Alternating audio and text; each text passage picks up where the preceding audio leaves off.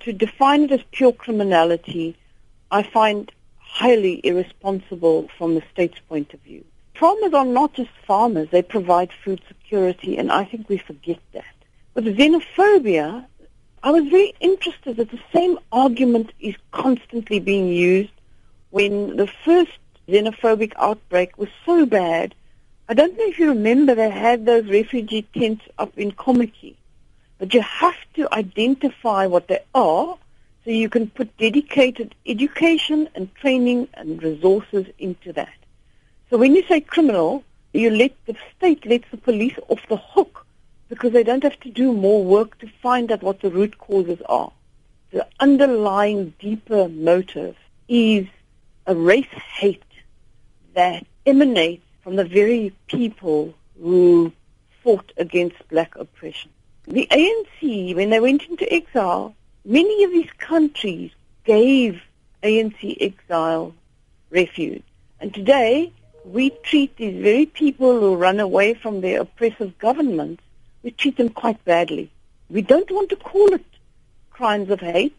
We don't want to call it crimes of race because then it exposes us for not being such a jolly rainbow nation that we always try to portray. Rada, jy praat van die onderdrukking van die waarheid, maar wat dink jy kan gedoen word om juis hierdie onderliggende faktore, hierdie onderliggende wrywing op te los? Jy weet ons is skaam oor ons rassehaat en ek dink dat daar baie kan gedoen word. Eerstens, ons het 'n menseregte kommissie. Their job is to help government and spearhead and pioneer awareness raising in the media and the schools in the townships everywhere. So our human rights commissioners earn judges' salaries, but have you ever seen any active mobilization coming from the Human Rights Commission to tackle any problem? No. We've got child abuse, we've got violent sexual crime. The Human Rights Commission is not there at the forefront. So we need leadership from the ANC, from the ruling party, even opposition parties, we need the government, whether it's DA or the ANC, to jump in there and to let the country know in no uncertain terms that what is happening is unacceptable. The police have to take responsibility. We have seen video clips of the police actually helping the looters raid shops. We've seen police asleep. We've seen police walking away. So we have no dedicated resources being allocated to address xenophobic violence. They're not taking our jobs. They are creating their own jobs because they, as foreigners, don't have to depend on government for handouts. And so what we have in the townships is a deep kind of racial envy.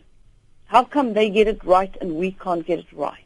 So if I were in the Human Rights Commission, I would actually bring these foreign national, these small entrepreneurs together with our own entrepreneurs and say, how can we form partnerships in the township to co-create little enterprises, to work together? Because then you break down this xenophobic envy that we have in our country.